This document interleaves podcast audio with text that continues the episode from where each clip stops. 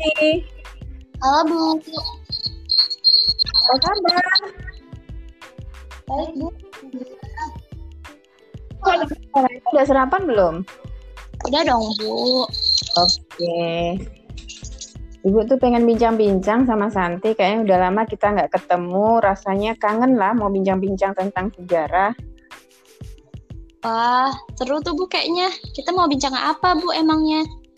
Gini, Ibu pengen perbincangan kita ini nanti kita Ibu sebarkan ke adik-adik kelas, yaitu tentang teori masuknya agama Hindu-Buddha di Indonesia. Oh, teori-teori masuknya agama Hindu-Buddha itu Hmm. Mm-mm. Masih ingat nggak? Hmm. Oh iya Bu, masih inget Bu. Kalau nggak salah teori Hindu-Buddha itu ada lima teori ya kan Bu? Hmm, betul sekali. Masih bisa me- menyebutkannya, Mbak eh, Santi? Eh, tunggu dulu Bu. Mm-mm. Kalau nggak salah itu ada teori kesatria, terus Mm-mm. teori Waisya, teori Brahmana, terus teori Sudra, sama teori arus balik. Ya kan Bu? Ya. Iya, betul sekali. Ada teori kesatria, ada teori Waisa, ada teori Brahmana, teori Sudra, dan teori arus balik. Nah, dari kelima teori tersebut, Santi kira-kira masih ingat nggak ya teori Brahmana? Ah, Teori Brahmana itu teori eh, di mana ajaran Hindu-Buddha dibawa sama para pendeta atau Brahmana dari India untuk mengajarkan kepada orang-orang Indonesia tentang ajaran agama Hindu-Buddha. Ya kan, Bu? Iya, betul sekali. Teori teori Brahmana itu mengatakan bahwa ajaran Hindu-Buddha masuk ke Indonesia itu dibawa oleh para pendeta.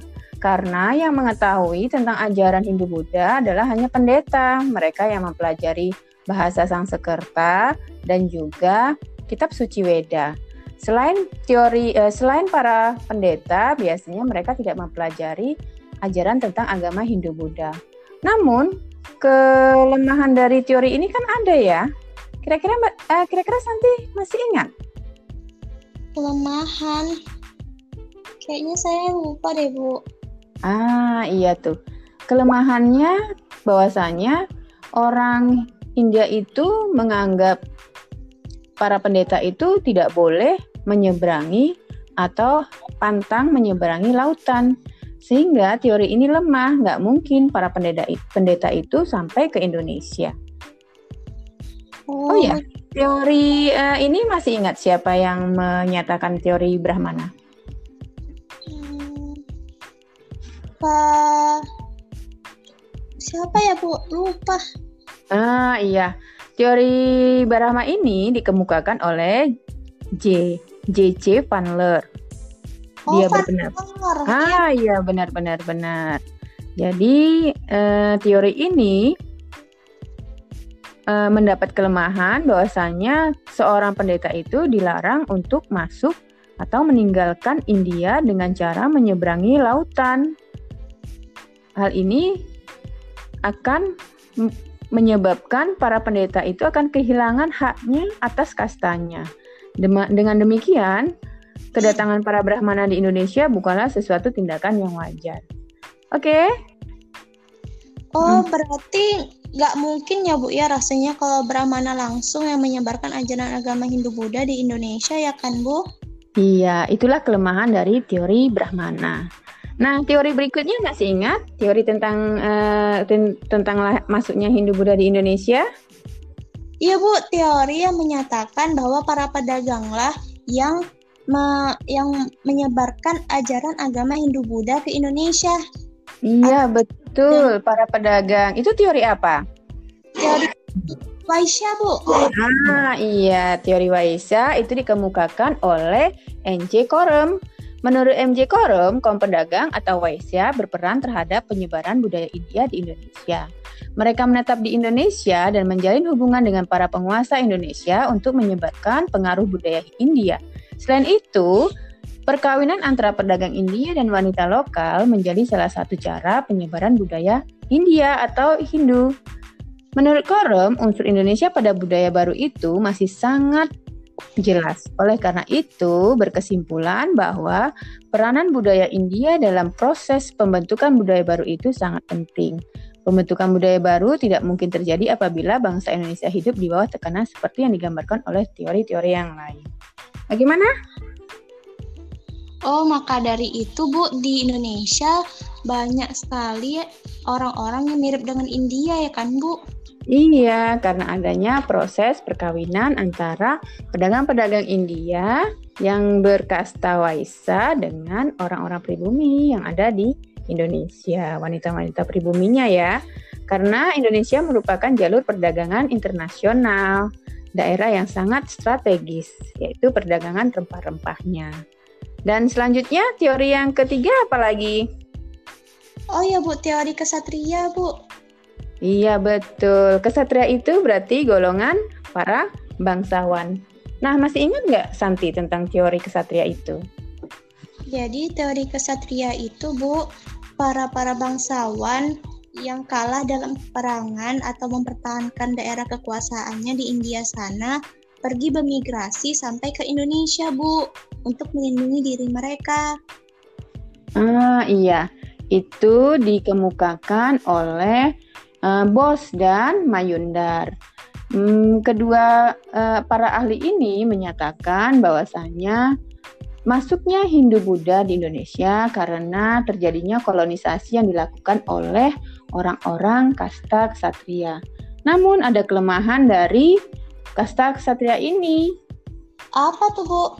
Ya, kelemahannya tidak ditemukan adanya bukti tertulis bahwa telah terjadi kolonisasi oleh para kesatria Hindu yang berasal dari India.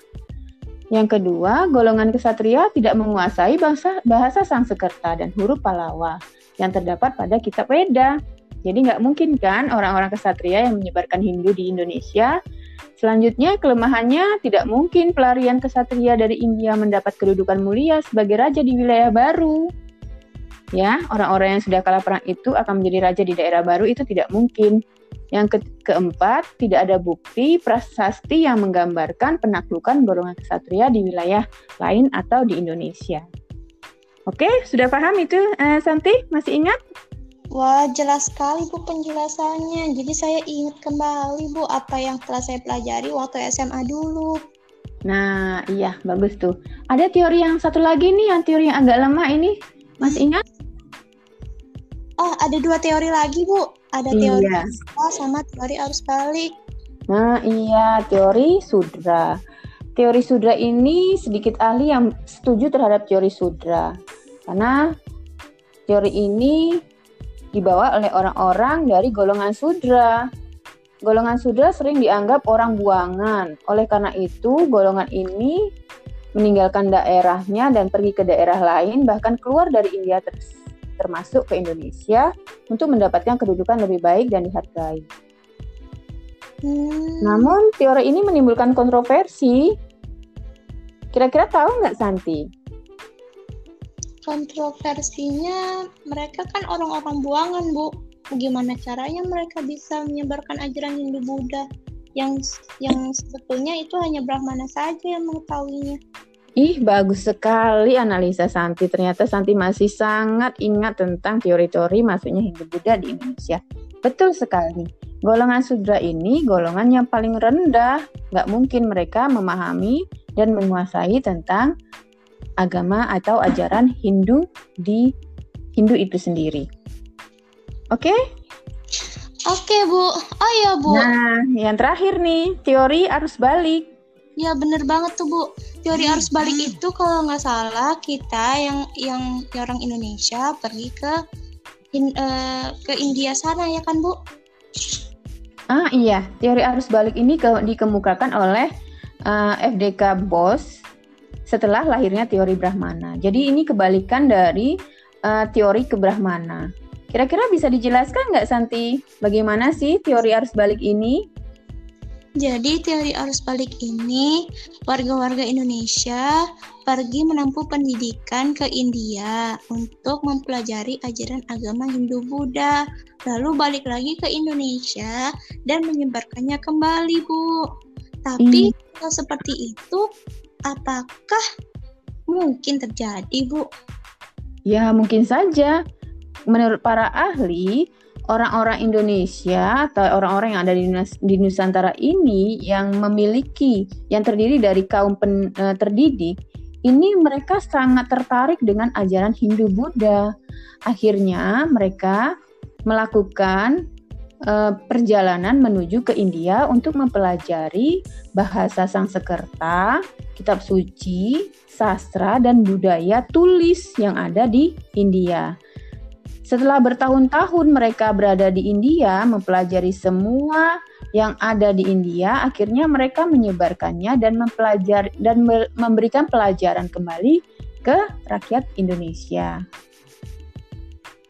Wah, keren banget penjelasan dari Ibu. Jadi saya ingat sekali kelima teori itu.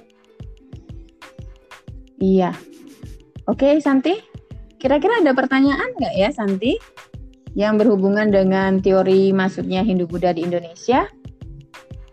Hmm, kayaknya udah cukup, Bu. Oke, kalau gitu kita buat kesimpulan ya, bahwasanya uh, masuknya Hindu Buddha di Indonesia itu berdasarkan lima teori, yaitu teori Brahmana, teori kesatria, teori Waisa, teori Sudra, dan teori arus balik. Oh, Nampaknya, iya. ah, ya kira-kira apa? Uh, Santi baru inget Bu. Jadi di antara kelima teori itu yang kira-kira mendekati kebenaran tentang masuknya ajaran Hindu Buddha ke Indonesia itu yang mana ya Bu? Kalau dilihat dari kelima teori itu yang masuk akal adalah yang mendekati kebenaran yaitu teori arus balik. Jadi bangsa Indonesia lah yang aktif mencari tahu tentang ajaran Hindu Buddha di Indonesia dan mereka kembali lagi ke Indonesia untuk menyebarkan ajaran Hindu Buddha di Indonesia. Oke? Okay? Oke, okay, Bu. Uh, terima kasih Santi atas perbincangannya hari ini. Semoga perbincangan kita hari ini memberikan manfaat kepada Santi dan juga Ibu dan juga teman adik-adik Santi yang lainnya. Sampai jumpa Santi. Wassalamualaikum. Waalaikumsalam, Bu.